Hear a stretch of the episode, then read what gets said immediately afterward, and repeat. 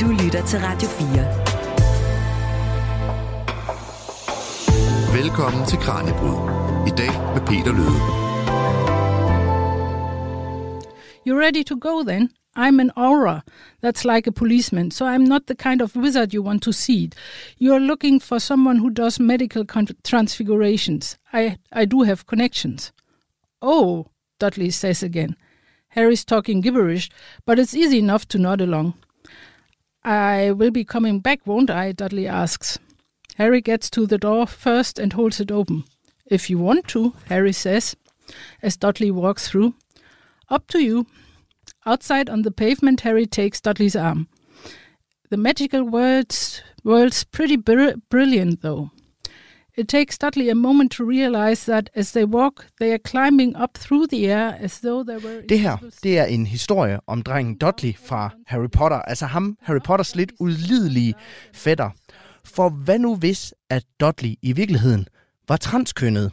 Det er den præmis, som den fortælling, vi hørte lidt af her, Once Upon a Time, den udforsker. For når fans sætter sig ned og skriver nye historier i de universer, som de kender så godt, ja, så er alt muligt. Karakterer, som vi allerede kender, kan afsløre nye og ukendte sider, eller måske endda blive parret romantisk sammen med nogen, som man måske ikke lige havde set komme. I dagens program, der zoomer vi ind på fanfiction, som det hedder, når fans på den her måde digter videre på forfatteres værker. For fanfiction handler om langt mere end bare at være fan. Faktisk så kan de her fantasier udvide vores litterære horisont og skabe den repræsentation af minoriteter, der normalvis mangler. Det mener mine to gæster her i studiet i hvert fald. De har nemlig læst store mængder fanfiction, både som forskere og som fans. Og senere så kan du selvfølgelig også høre lidt mere af den her historie om Harry Potter og hans fætter Dudley. Du lytter til Kranjebrud, det daglige videnskabsprogram her på Radio 4. Tak fordi, at du lytter med. Mit navn er Peter Løde. Du lytter til Radio 4. Og til at gøre os klogere på fanfictions verden, har jeg i dag besøg af Tessa Jensen og Lisa Vestberg. Velkommen til jer begge to. Tak. tak. I er henholdsvis lektor i interaktive digitale medier på Aalborg Universitet og gæsteforsker samme sted. Og I har jo også begge to forsket i fanfiction og den her fankultur online. Og derudover så er fanfiction også noget, som vi begge to har beskæftiget jer med som fans. Det kan være, at I skal starte med at prøve at fortælle lidt om, hvad jeres forhold er til fanfiction. Jamen, mit forhold til fanfiction er jo der, hvor det hele startede.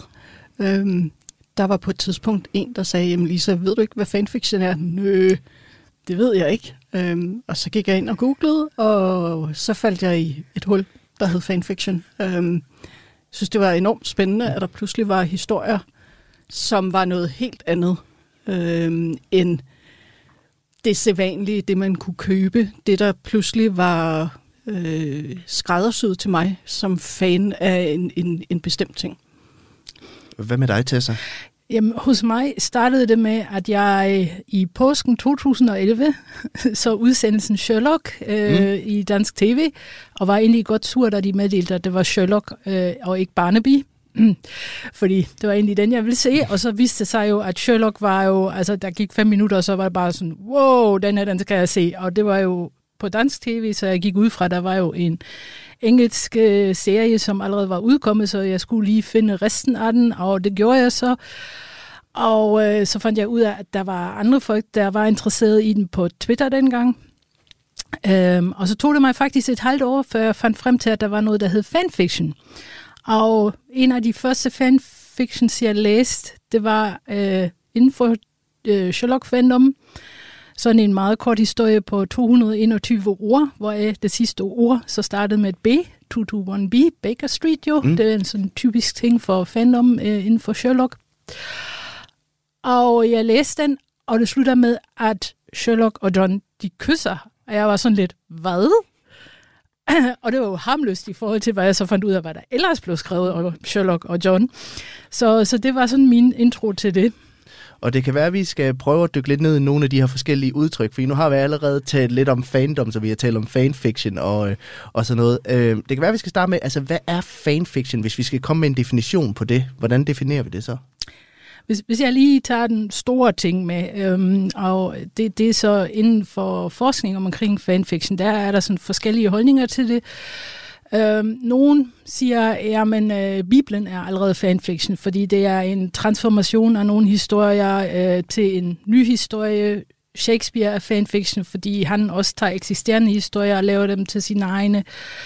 Øhm, og så er det så, at der er nogen, der siger, at det begynder altså sådan set først senere, når vi tager Sherlock Holmes. Øhm, Øh, altså den originale Sherlock den Holmes? Den originale Sherlock Holmes, ja, fra Arthur Conan Doyle, Sir Arthur Conan Doyle, øh, hvor, øh, hvor det ligesom var den fandom, det vil sige de folk, der var interesseret i det, omkring det, og da Sherlock så bliver slået ihjel af Arthur Conan Doyle, jamen så skriver de så deres egne historier. Og så er der så den mere moderne, der siger, jamen det her det starter med Star Trek i slutningen af øh, 60'erne, øh, med den tv-serie Star Trek, og så det, der ligesom opstår omkring den øh, fandom. Men, men, men hvad er fanfiction? Det, det er jo sådan, at man digter videre på andres historier, eller hvordan, hvordan skal vi forklare det til dem, der måske ikke ved, hvad det er? Det er ønsket om at få en historie, eller en tv-serie, eller et digt, eller en reklame fortalt på en anden måde, end den, som bliver fremlagt.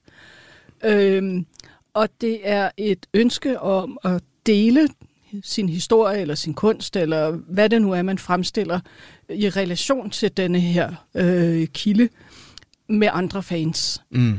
Så, så hvad kan man sige, at, at den sidste måde at anse fanfiction på, det er at se det i den fandom-kontekst, fordi vores forskning viser, at vi kan ikke tage, fan, altså, vi kan ikke tage fanfiction, fanart, ud af fandom-kontekst. Det er først der i sig selv, at det her øh, litteraturprodukt bliver fanfiction. Fordi man kan sagtens skrive øh, en, en novelle derhjemme om, om Harry og Draco, hvis det er det, man har lyst til. Men det bliver bare en novelle, der ligger hjemme i, i skuffen i virkeligheden. Man kan godt diskutere, jo, det er vel fanfiction, men det er det så alligevel ikke, fordi vi ikke har alt det, der ligger udenom, nemlig det, at man deler det med andre fans. Ja. Så i princippet er fanfiction en tekst eller en sang eller et stykke kunst, som er produceret ud fra en, øh, det er som regel en, en popkulturel kilde. Det kan man godt argumentere for, men omvendt kan man også argumentere for, at det er ikke et fandom-produkt, før det er en del af den kontekst, som hedder fandom. Ja, fordi at det, det her fandom, altså hvad, hvad vil det sige, altså, og hvordan knytter det sig til fanfiction-begrebet? Altså man, man kan sige, det er jo øh, folk, der er interesseret i øh, lige præcis det øh, populære kulturelle produkt, øh, og, og der kan det så også godt være fodboldhold, øh, eller ishockeyhold, eller øh, boybands, øh, så, så det er meget, meget bredt det her. Øh, og de folk, de går jo så sammen, kan man næsten sige, og, og taler om det her, diskuterer det, laver det, man kalder metatekster, hvor de, hvor de netop løfter det et stykke op og siger, hvad er det her for noget? Og i den forbindelse bliver der så også lavet de her fanfictions, hvor du altså øh, sidder og øh, jamen, digter videre på det produkt, du har, øh, eller i, i forhold til øh, real person, altså rigtige personer, så digter du ind i det, du nu får at vide fra medierne, og, og skaber din egen opfattelse af de her personer og, og deres liv sammen. Og det, det er så der, hvor vi måske er ved at være over i shipping, men det ved ja. ikke. ja, fordi at, øh, det kan være, at vi skal prøve at give, give lytterne en lille ordbog med på vejen. altså, fordi nu har vi, nu har vi talt om øh, fandom, så vi har talt om fanfiction, men der er også det her shipping-begreb, som er ret vigtigt at, at forstå. Hvad er det, det går ud på? Ja, men egentlig, nu vil jeg faktisk gerne hoppe tilbage, ja. bare et enkelt skridt, fordi fandom er ikke bare at være fan. Fandom er den kontekst, hvor man deler det med andre fans. Altså fandom er også, hvad skal man sige, tilhørsforhold og en kultur og en identitet. Øh, så, så man kan sagtens være det, vi kalder en adoring fan, altså det vil sige en, der bare er fan af fodboldholdet og går ned og råber hurra på stadion og maler Brøndby-farver, eller hvad man nu lige gør. Øhm, men det gør ikke en til en fandom-fan. Fandom-fan er man først i det øjeblik, man producerer noget, og der er ikke øh, det, jeg mener med, med, med sådan fabriksproduktion, øh, men at man deltager i sådan en, en gavecirkel i fandom, hvor, hvor man hele tiden udveksler øh, fandom-produkter og kommentarer osv. Så, så, så, så vi er nødt til at snakke om, at, at fandom, altså fan, fandom-fan er man først, når man er i fandom. Ja. Øh, så hvis vi lige rykker det ud, så et af grundbegreberne i fandom, det er shipping. Mm. Rigtig mange historier drejer sig om forholdet mellem mennesker, og øh, meget ofte forholdet mellem personer, som ikke er et forhold i den originale tekst. Det kunne være Draco Malfoy. Det kunne være. Draco og Harry, som, Draco og Harry, som, ja. ja, som var en, en, en enorm populær pairing i øh, Harry Potter fandom. Og ship eller shipping, det er forkortelse for relationship, altså forhold. Og det er simpelthen forkortet til ship. Og hvis man shipper noget, så er det fordi, man godt kan lide Harry Draco som et, et par. Øh, så det- har ikke noget at gøre med, at man sender forsendelser til Bolivia på et for eksempel. Og øh, senere i programmet, så har I også lovet at læse op, lidt op for nogle eksempler på øh, fanfiction, som I har taget med hver især. Og øh, I har teaset lidt for, at det skulle være lidt af en oplevelse. Men øh, inden da, så tager vi forskerbrillerne på og ser nærmere på, hvorfor fanfiction overhovedet er interessant fra et forskningsmæssigt perspektiv. Du til Kranjebrud på Radio 4. For I engagerer jo ikke kun i, i fanfictions verden som fans, men også som forskere. I har begge to været nede i den her genre for at undersøge nogle af de dybere dynamikker, der gemmer sig bag de her, de her tekster. Hvorfor er fanfiction interessant fra et forskningsmæssigt perspektiv?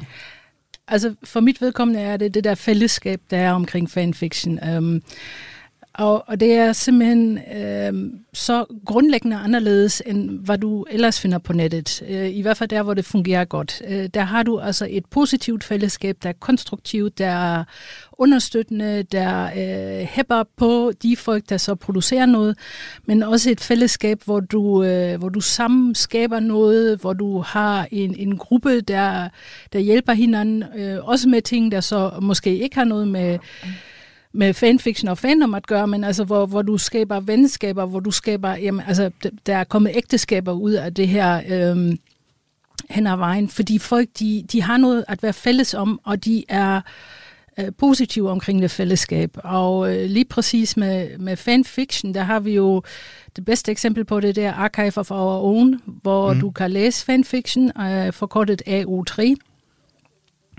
Øh, og det er en platform, som er lavet af kvinder, for kvinder, som er lavet af fans, som bliver vedligeholdt af fans, som er gratis, som alle kan deltage i. Og det er jo også en ting, der er interessant, det er, at alt det her fanfiction og fandom, det er noget, du kan deltage i, uden at du skal bruge penge på det. Ja, okay, du skal have en internetopkobling, og du skal have en eller anden device, du, du kan øh, læse de her ting med, og også måske skrive det med. Men meget af det kan du jo nu om dagen få gratis. Øhm, og det er det, der egentlig gør det interessant, at du har øh, det her fællesskab, der kan fungere online, uden at folk de kender hinanden ved navn. Øhm, altså jeg kender et par folk i Danmark, der er fans, men jeg har på fornemmelsen af mange flere, men man ved ikke, hvor de kommer fra, fordi det, de har et, et fandomnavn meget typisk, et profilnavn, der, der egentlig viser, hvilken fandom de måske er startet i i sin tid. Øh, men, men der står ikke deres rigtige navn, der står heller ikke nødvendigvis, hvor de kommer fra. Øh, og på den måde kan du egentlig have et, et netværk af, af venner, som du virkelig føler, at du har noget til fælles med, øh, som kan være spredt ud over hele verden. Og hvad med dig, Lisa? Altså, hvordan har du beskæftiget dig med øh, det, her, det her fanfiction i, i forskningskontekst? Ja, men jeg var fan øh, og i fandom, før jeg blev forsker. Ja.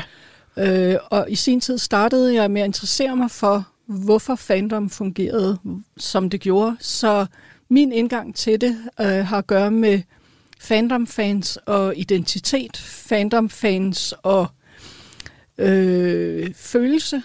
Øh, fordi det er en ting, som vi ikke snakker ret meget om øh, i forhold til fandom. Det er, hvad er det, det giver os? Øh, så det er den indgangsvinkel, jeg havde til det, da jeg startede, at jeg kiggede på fandom som nation. Øhm, fordi det viste sig faktisk, når man gik dybere i det, så har øh, fandom nogle træk, øh, som vi også forbinder med nationsdannelse i fysiske nationer. Og det var den vej, jeg kom ind i det. Hvad er det for nogle træk, der går igen der? Ja, men det er for eksempel, at man har en tidsopfattelse, man har et sprog, øh, man har en fælles historie, Øh, og det kan man sige, at det er der masser af subkulturer, der har. Øh, men det her er så udtalt. Øh, for eksempel så fører fandom krig, øh, hvis der er noget, der ikke lige passer fandom. Øhm, og, og det, så kan man sige, at mm. krig kan jo ikke være virtuel, når man så prøver at spørge Rusland i disse dage. Ikke? så, øh, så, så det er simpelthen den indgangsvinkel, jeg havde til det med, hvordan fungerer fandom øh, i forhold til, når folk optager det som en, en identitet. Og det viste sig også min forskning på det tidspunkt, at øh, fans identificerede sig som øh, fans som, som identitet før, øh, og foretrukket øh, for den identitet, de havde som borgere i deres egen nation. Så de er fans først, og for eksempel danskere bagefter? Ja. Og nu, nu nævnte du det her med identitet. Det kan være, vi skal tale lidt om, hvem er det, der læser fanfiction? Altså, hvem er den typiske, øh, der engagerer sig i de her fandoms? Øh, der er lavet en meget stor undersøgelse øh, for nogle år siden. Hvem er det, der læser øh, fanfiction? Og der, derfor ved vi forholdsvis præcist, hvem det er. Mm. Den her undersøgelse, den siger godt nok, at der er 85 procent kvinder. Men den siger også, at 60 procent af dem identificerer sig som noget andet end kvinder. Øh, så, så det kan man jo debattere. Den siger så også, at øh, der er meget få, der er 100% heteronormative. Så, så det er alt andet end øh, heteronormative hvide mænd. Så alle andre end, end mig. Alle andre end dig. Du er helt og, alene nu. Og, og, og det vil sige, at det, det, det, ja, det er rigtigt. Altså, det, det er virkelig, det vil være en indjørning. Mm. At, finde, at finde en heteronormativ cis-mand, der er inden for fandom. Øhm, det er slet ikke lykkedes endnu. Altså, jeg har været på jagt, sådan, fordi jeg tænkte, det, det må der findes. Der må der være en eller anden, der, der godt tør at skrive og læse det her. Men øh, nej, det ser det ikke ud til. Jagten fortsætter, kan man ja, sige. Ja, ja. et, øh, et udtryk, som, som også bliver bragt op i forbindelse med det her med, med forskning i fanfiction, det er det her carrier bag theory. Hvad er det, det, øh, det går ud på, og hvordan relaterer det sig til, til fanfiction? Ja, øhm, det starter, kan man sige, med Ursula Le Guin, som er en science fiction forfatter fra, øh, fra USA. Øh, og hun laver så, har, har ikke bare skrevet science fiction, hun har også lavet essays, og netop også videnskabelige essays, hvor hun skriver et kort lille essay om the carrier back fiction, øh, mm. theory of fiction. Og, øh, og den går ud på, at hun siger, at vi har brug for nogle andre historier end de her heltehistorier, hvor helten drager ud og slår dragen ihjel, og så får han jomfruen og alt det der, og hvor hele heltehistorien egentlig har helten som den ene person og alt omkring vedkommende er lavet, så enten helten kommer fremad eller, eller bliver holdt tilbage. Og, og hendes eksempel er så simpelthen, jamen vi har brug for de små historier. Vi har brug for de livsbekræftende historier, som egentlig fortæller om dagligdagen. Og øh, hun sammenligner det som med, jamen når vi er ude og samle mad, det første er jo ikke, at vi går rundt med et spyd og et svær. Det første er faktisk, at vi laver en eller anden form for bærepose, en eller anden form for øh, beholder, som vi kan putte ting ned i. Og, og det er jo interessant, hvis man tager den over i fanfiction-kris øh, sammenhæng, fordi du har de store fanfics, fanfictions, som, som er romaner og sådan noget på, på flere hundrede sider og tusinde sider. Men du har også de her små historier. Du har dem her på 100 ord, som, som bare leger med en eller anden lille ting i fandom. Og de, de er ikke sådan, at de alt sammen sådan hænger sammen, men de giver forskellige perspektiver på noget af det samme. Og det er typisk netop øh, relationen jo, det drejer sig om. Mm. Så det er det her med, hvordan er vi sammen med andre mennesker? Hvordan afklarer vi grænser i forhold til hinanden? Hvordan, hvordan laver vi en kop te til hinanden for at vise, at vi faktisk elsker den anden person? Øhm, og, og det behøver ikke alt sammen ende med, at der er sex involveret, men, men det er simpelthen de her, de her små historier, som egentlig kan være utrolig huslige Altså, jeg mener, selv når vi er ude i de rigtig hæftige sexhistorier, så er der stadigvæk sådan en, ja, og der blev brugt rigtig, rigtig meget sengetøj, der skulle laves, der, der skulle vaskes dagen efter, og sådan noget. Ikke? okay, ja, det, det finder du nok ikke i en eller anden pornofilm, vel, fordi det er uinteressant, det er bare action, det drejer sig om. Og, og her har du de der små ting med, fordi det ligesom er vigtigt. Ja, det er med til at grounde universet, eller hvad kan man sige? Ja, eller også er det jo, det, det viser jo også lidt om, at jamen, det er jo det, øh, livet handler om. Det handler jo ikke bare om de der store øh, action-ting, og jeg mener, altså helten kan jo først blive helten, når, når han har en drager at slå ihjel, men hvad med alle de andre dage, hvor der ikke er drager? Ikke? Og hvad med alle de andre ting, man skal lave hver dag, alle de der rutine-ting, alle de her huslige ting, alle de her ting, som også udgør livet. Ikke også? Og det, dem, der ligger i den her carrier bag-teori, øh, og også øh, analogi, når man så drager det over. Og så kan vi jo netop også sige, jamen sådan noget som AO3, altså den her platform, hvor mm. du kan læse det, jamen det er jo netop en carrier bag. Hvis du tager Tumblr, så er det også en carrier bag. Hvis du tager den enkelte fandom, så er det en altså, øh, bærepose, for at sige det på dansk. Og den hedder bærepose-teorien på dansk, så mm. meget navn. Jeg ved ikke lige, om man ikke kunne have fundet på noget bedre der, men øhm, så, så det, det er jo faktisk sådan noget, hvor man bare samler ting sammen, og så ikke kræver, at det hænger sammen ja. på den måde. Så det er en blandet pose med bolcher, kan man sige. Ja, ja, lige præcis.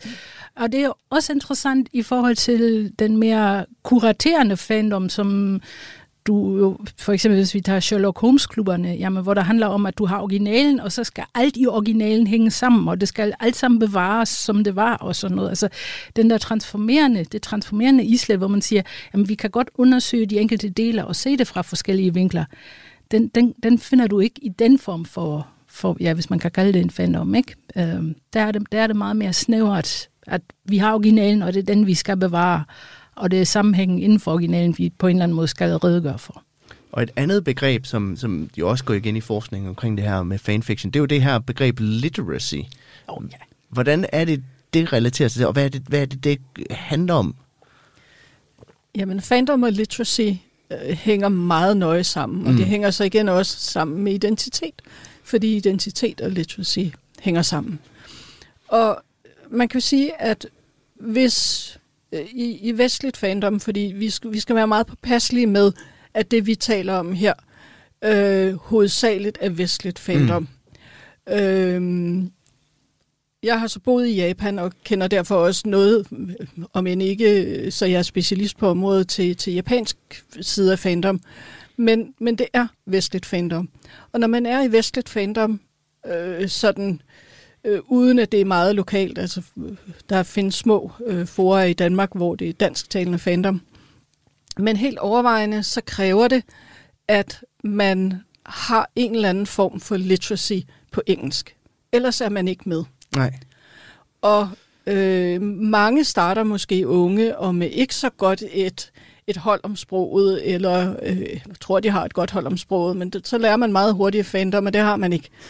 Øh, det er simpelthen en skole i English literacy, fordi man er nødt til at lære rigtig meget om både om engelsk kultur, men om engelsk sprog, hvordan man behandler sproget, øh, og hvordan man behandler kulturen. Og på samme måde, når man skriver om et bestemt fandom, altså øh, det kan være Harry Potter, det kan være Supernatural, øh, så er man også nødt til at sætte sig ind i den kultur, der ligger bag. Mm. Så, så fandom bliver helt automatisk en, en school of literacy. Ja, altså øh. simpelthen fordi man lærer at forstå den kultur, som for eksempel Harry Potter udspiller sig i, i Storbritannien, så skal man forstå den britiske kultur for at kunne skrive god fanfiction. Ja, lige præcis. Øhm, på den vis, at øh, fandom er som regel venlige, når de korrigerer mm. en, øh, men, men det er ret vigtigt, i meget fanfiction, at det er in character, det vil sige, du kan ikke pludselig begynde at skrive en amerikaner, som du vil skrive en tysker, for eksempel. Så du er nødt til at vide noget om de enkelte kulturer. Så det er en, en rigtig god skole, fordi øh, det er jo noget, der kommer øh, frivilligt. Det er noget, man sætter sig for her. Det er her vil jeg gerne være bedre. Øh, så, så det er, altså man, man bliver vanvittigt meget bedre til at bruge engelsk og til at forstå andre kulturer og også være åben for andre kulturer. Der, der er også en anden ting, det er jo det her med, at øh, hvis vi ellers er på nettet, så er det meget typisk sådan nogle korte sætninger. Øh, vi bruger emojis, øh, vi har billeder, vi kan understrege ting med og alt det der. Men når du skal ind og skrive en fanfiction, så har du lige pludselig en hel tekst, der skal have en begyndelse, en midte, en slutning. Måske ikke altid sådan øh, helt så, øh, hvad, hvad hedder det, øh, firkantet, men, men du skal ligesom på en eller anden måde skrive nogle sætninger, der hænger sammen. Du skal øh, tænke tekst på en helt anden måde, end du gør det på Instagram eller Facebook. Øhm, og, og, der, og der skal ligesom være en mening bag alt det der, og det, det er meget interessant. Øh, netop, altså en ting er, at man lærer det engelske, men man lærer altså også at, at udtrykke sig skriftligt. Så øh, hele det her aspekt med at lære at læse og skrive, ligger der jo i det her.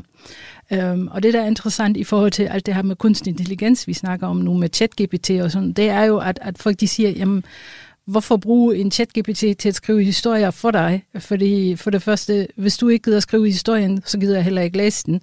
Fordi der, der skal være en mening bag, og ChatGPT'en kan heller ikke sådan skrive en sammenhængende længere historie med en ordentlig afslutning. Altså det er meget typisk, at den måske har en god begyndelse, men så bliver det sådan... Øhm, og, og, og det er ligesom noget, som fandom virkelig har sagt, jamen det gider vi ikke rigtigt. Man kan godt bruge det som et redskab til at, at få nogle idéer, eller til at få nogle øh, formuleringer på plads. Men, men netop den her viden om, hvordan fungerer sprog, mm. øhm, og hvordan skriver jeg en historie, altså hele det her med at opbygge en fortælling, at komme til en slutning, at skabe en cliffhanger, det, det er noget, du lærer i fanfiction. Og øh, I har jo begge to taget en fanfiction-tekst med, som vi skal læse op. Det gør vi lige om lidt.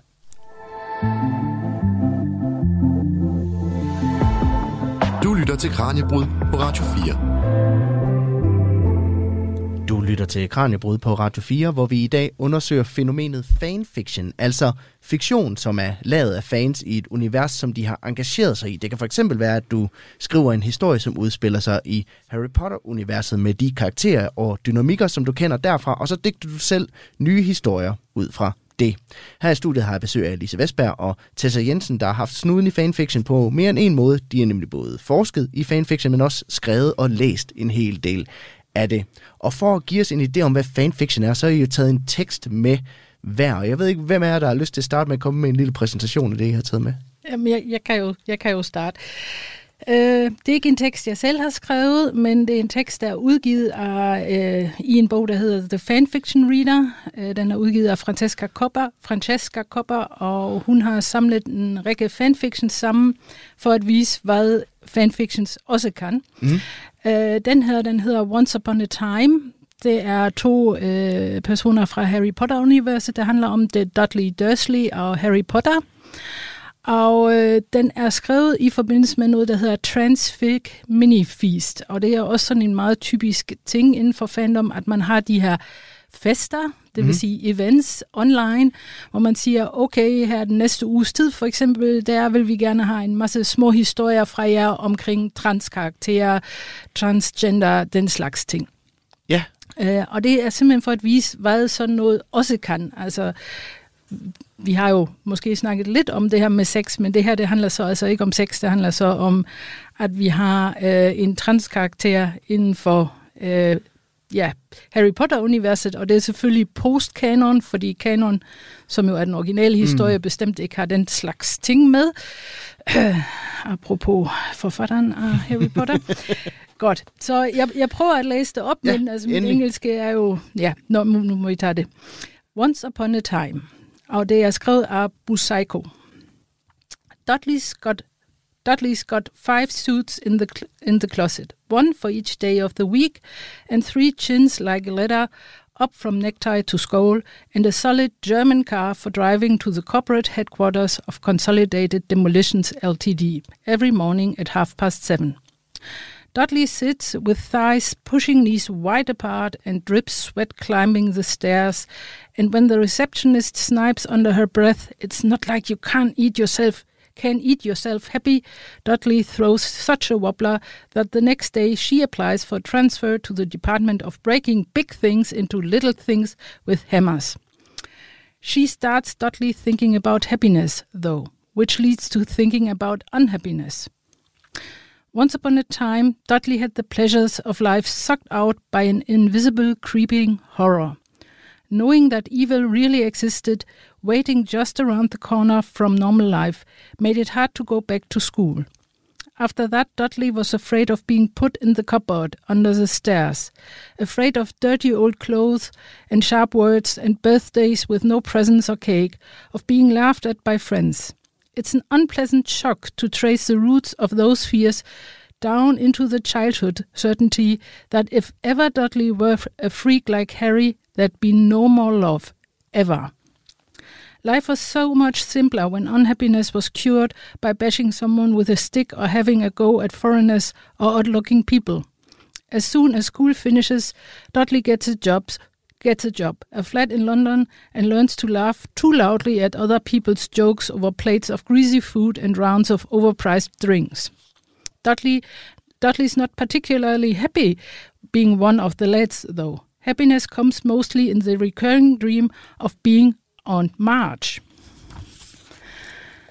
The image that comes to mind is always of Aunt March blown up like a balloon, big and round, floating up out of her chair in her expanded tweeds. Dudley keeps getting bigger year by year, but somehow the inside Dudley is being crushed, smaller instead of rising into the sky. It would be fine if that inside Dudley just smalled itself out of existence, but it's always there, unhappy, daydreaming about balloons and huge, sturdy skirts. Dudley's 24 when things go sideways all of a sudden. Walking into Jean Claude's for the usual junior, junior corporate haircut, shave, and head massage, Dudley is full frontally assaulted by a gilt framed mirror and turns on one heel and walks out. Each step gets lighter and lighter until Dudley's standing in a dressing room with armful, arms full of clothes, pleated tweed skirts on the left, and pastel twin sets on the right. And the clothes are absolutely perfectly right. But it's the men Dudley sees wearing them that's all wrong. Aunt March, March has a moustache. Dudley thinks, sullen, sullen the way it felt when a new toy lost its shine. But Aunt March has also has something intangible that Dudley doesn't, and all of a sudden it's what Dudley wants more than anything. Dudley is very, very good at wanting things, and has a talent for yelling and stomping and being unpleasant until they are obtained. But there's only so much that Dudley can do, even with double strands of very nice imitation pearls and little clips to hold back the hair that Jean Claude no longer cuts. Dudley's 26 and gets funny looks from the men in the office who don't mention when they are going out for drinks anymore. Mom and Dad think it's time to get married and settle down with a nice girl in a nice house before Dudley turns, Mom lowers her voice to say it, metrosexual. Dudley twirls in the dream, slowly rising round and glorious, and here's a new thought full of magic. That's what Dudley's been overlooking. There is someone who can help. He just needs to be found. It takes a week of battering shop assistants in some of London's dodgiest New Age and occult supply shops to find one girl who admits to knowing who Harry Potter is. And Dudley nearly yells at her just uh, to have the satisfaction of bullying someone whose hourly wage probably isn't enough to buy a tech can of tinned tomatoes. Instead, Dudley hands her a note in an envelope sealed with glue and tape and staples and a handful of banknotes that she accepts with baffled amusement. Fifteen minutes later, Harry rings Dudley's mobile, and at half past six, they're sitting down with a large mug of foamy coffee in a shop this size of Dudley's walk in closet. Looking good, Dudley says heartily, because that's how all conversation starts before moving into a discussion of sport. Harry is still short, but he's muscular and he wears a grubby, hooded sweatshirt and jeans as if clothing doesn't matter to him. Dudley expected him to be more openly freakish. Harry laughs and gives his coffee a stern look. It stops steaming, and Harry shares a grin with Dudley before he takes a gulp. I haven't slept through a night since the baby was born, and I know I look it. A baby is completely blindsiding news, implying things about Harry that Dudley would never have thought possible. Mum would be crushed that Harry turned out to be the normal one after all. Og det var altså et uddrag af den her Once Upon a Time, som den hedder. Den er noget længere end det, men hvis vi skal opsummere, hvad der sker, så er det jo, at øh, Dudley, Harry Potters fætter, som man nok øh, husker fra filmen eller fra bøgerne, øh, klæder sig ud som sin tante, Ja. øh, fordi han i virkeligheden er transkønnet. Eller Ja. de, hun i virkeligheden er, er Ja. transkønnet, skal man næsten sige. Og i, til sidst kommer Harry Potter og tager dem med til den magiske verden, så de endelig kan blive den kvinde, de gerne vil være. Ja. Og Det, altså, hvad er det et eksempel på? Jamen, det er jo et eksempel på, hvad fanfiction kan. Altså, den, øh, for det første kan den tage øh, Dudley-karakteren, hvor man kan sige, jamen, i filmene og i bøgerne, der er han jo bare ond. Mm. Og i stedet for bare at se ondskab, så simpelthen sige, den her, den er måske begrundet i noget. Og den er måske begrundet i noget, som, som jeg også kan føle, nemlig den her med ikke at høre til alligevel. Og så, som historien også fortæller jo, den her angst, der lige pludselig går op for Dudley, at jamen, hvis jeg bliver en freak, hvis jeg ikke er den, jeg ser ud til at være, så er der ikke mere kærlighed. Så er der øh, ja, det der, det der skab under, under trappen, hvor man skal være, og så er der ingen øh, fødselsdagsgaver og alt det der. Så, øh, så det gør jo så, at Dudley skal ind og, og, og virkelig undertrykke noget af sig selv. Og, og det er jo det, som ja, mange af LGBT-personerne jo også lever med til daglig, det er jo, at man ikke kan komme ud, at man ikke kan vise, hvad man reelt er, at man ikke kan leve i den verden på den måde. Øhm, og, og der kan den her historie jo for vedkommende, der skriver det, være en måde at udtrykke på, hvordan man har haft det, og hvor, hvor meget man måske ønsker sig, at der kunne komme en Harry Potter og ligesom hjælpe ind med det her. Og det kan jo være, at læseren netop har den samme følelse, og så på den måde kan komme og, og tænke, ja, ikke, der er en mulighed for, øh, for, at man kan leve i den her verden på en anden måde, end, end hvad det er. Og det er også øh, en måde, hvorpå jeg lige pludselig kan få et sprog omkring det her. Fordi mange mm. mennesker lever jo med, med alle de her undertrykte følelser, og øh, måske også netop øh, identiteter, som ikke er den, man egentlig er. Og, og her har jeg så lige pludselig en, når det er måske det. Det er måske det, der er galt med mig, i anførselstegn. Øh, det er måske der, jeg skal hen. Og det ser man jo gang på gang, når man kigger i kommentarsporene på de her fanfictions, at, at folk netop øh, bruger det til at lige pludselig har et sprog til at tale om seksualitet, til at tale om identitet, til at tale om, hvad det er, der er svært i dagligdagen måske.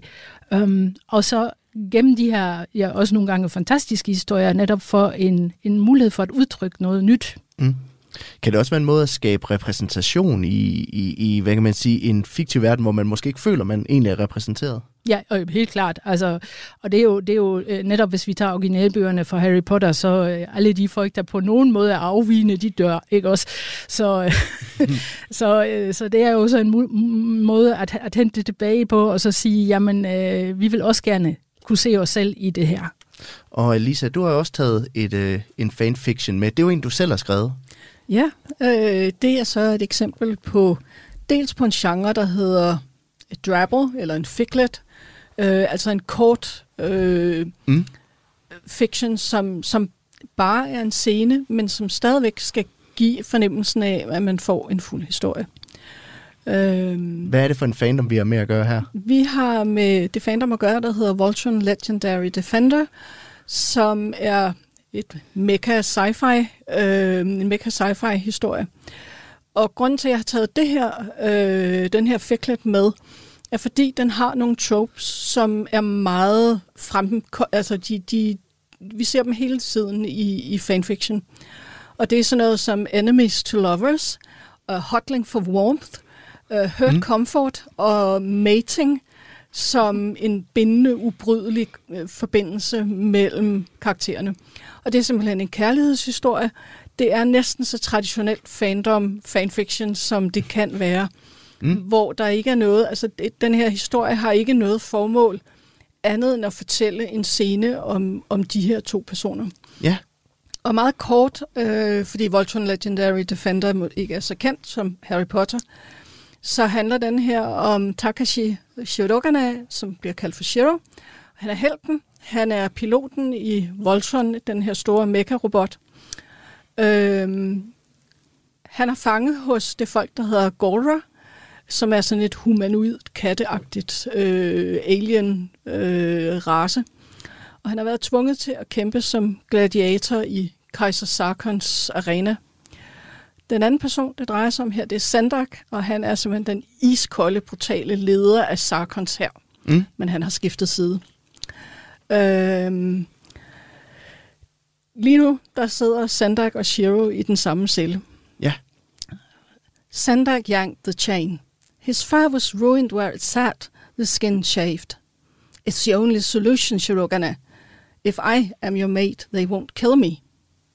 Shiro stumbled, the chains that tied his legs together not helping.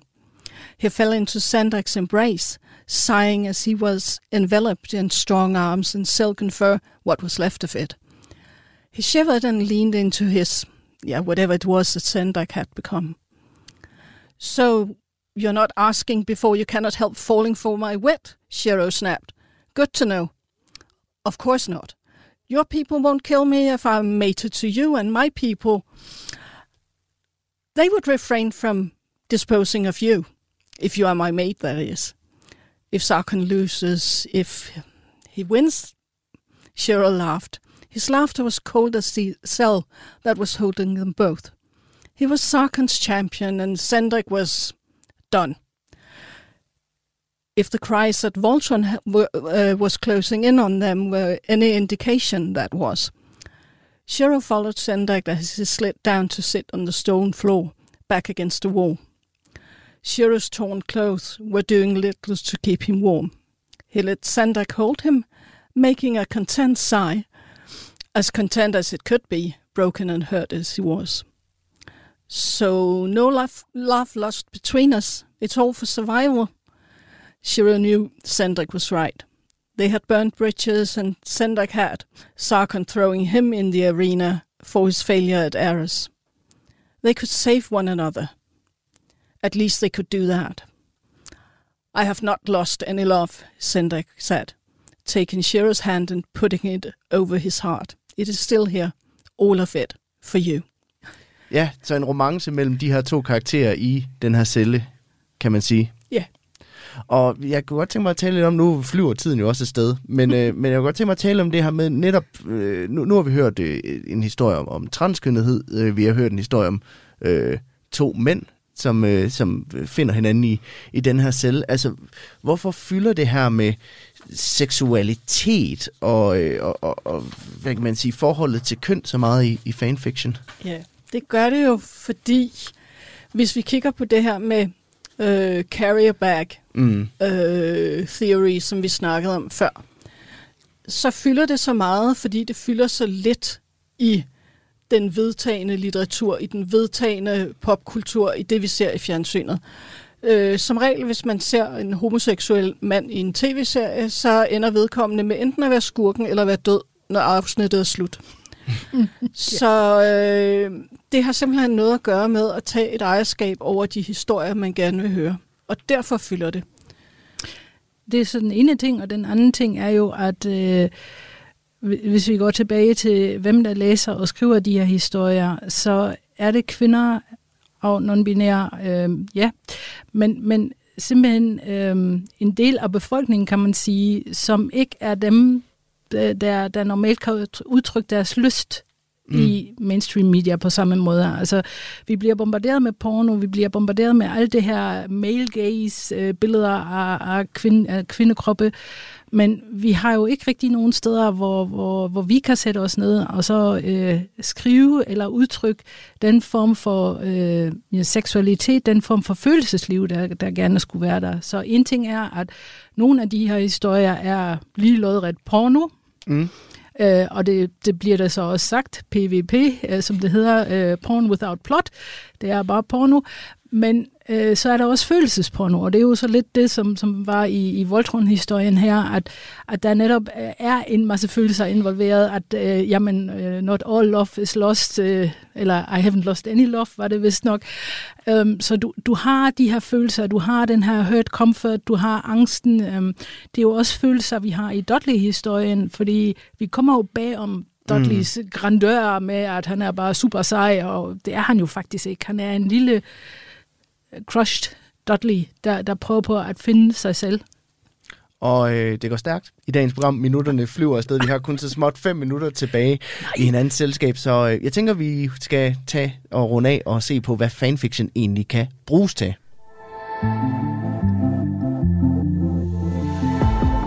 Du lytter til Kranjebrud på Radio 4. For jeg er jo lidt nysgerrig på det her med, om fanfiction kan på en eller anden måde være med til at skabe en, en interesse for både at være, blive forfatter, men også at måske læse noget mere traditionel litteratur. Øh, hvad tror I? Altså, øh, jeg ved, at det meget typisk er sådan, hvis, hvis vi ser på for eksempel sådan noget som Sherlock Holmes, når der kommer en ny Sherlock Holmes-film, og du så har øh, folk, der, der falder for, for film, at, at de så meget typisk også søger tilbage til originallitteraturen. Og der, det vil sige, øh, kommer til at læse om det, men de kommer også til at læse om øh, den viktorianske tidsalder. De kommer til at øh, sætte sig ind i, hvad er den britiske kultur for noget. Det havde Lisa jo også allerede sagt, det her med, at man får en kulturforståelse. Øhm, men, men også netop, at, at man bliver fanget af det på, et anden, på en anden måde, end, øh, end hvis man ja, ikke bliver fan af noget. Så altså, det forudsætter også, at du falder for det. Altså du, det forudsætter en form for passion mm. for det her objekt, og det skal jo ikke altid. Men altså for dem, det sker for, vil det meget typisk medføre, at man, at man opsøger mere viden omkring det der. Og det der opsøgen af viden, det kan altså øh, udarte sig. Altså Sherlock Holmes-fans, der lærer at spille violin, fordi det gør han, jamen så vil jeg også kunne det. Øhm, så så den, den slags ting sker øh, med det her. Det, man kan bruge det til, som vi snakkede literacy, det er selvfølgelig til at blive bedre, men det er aldrig det, der er drivkraften i det.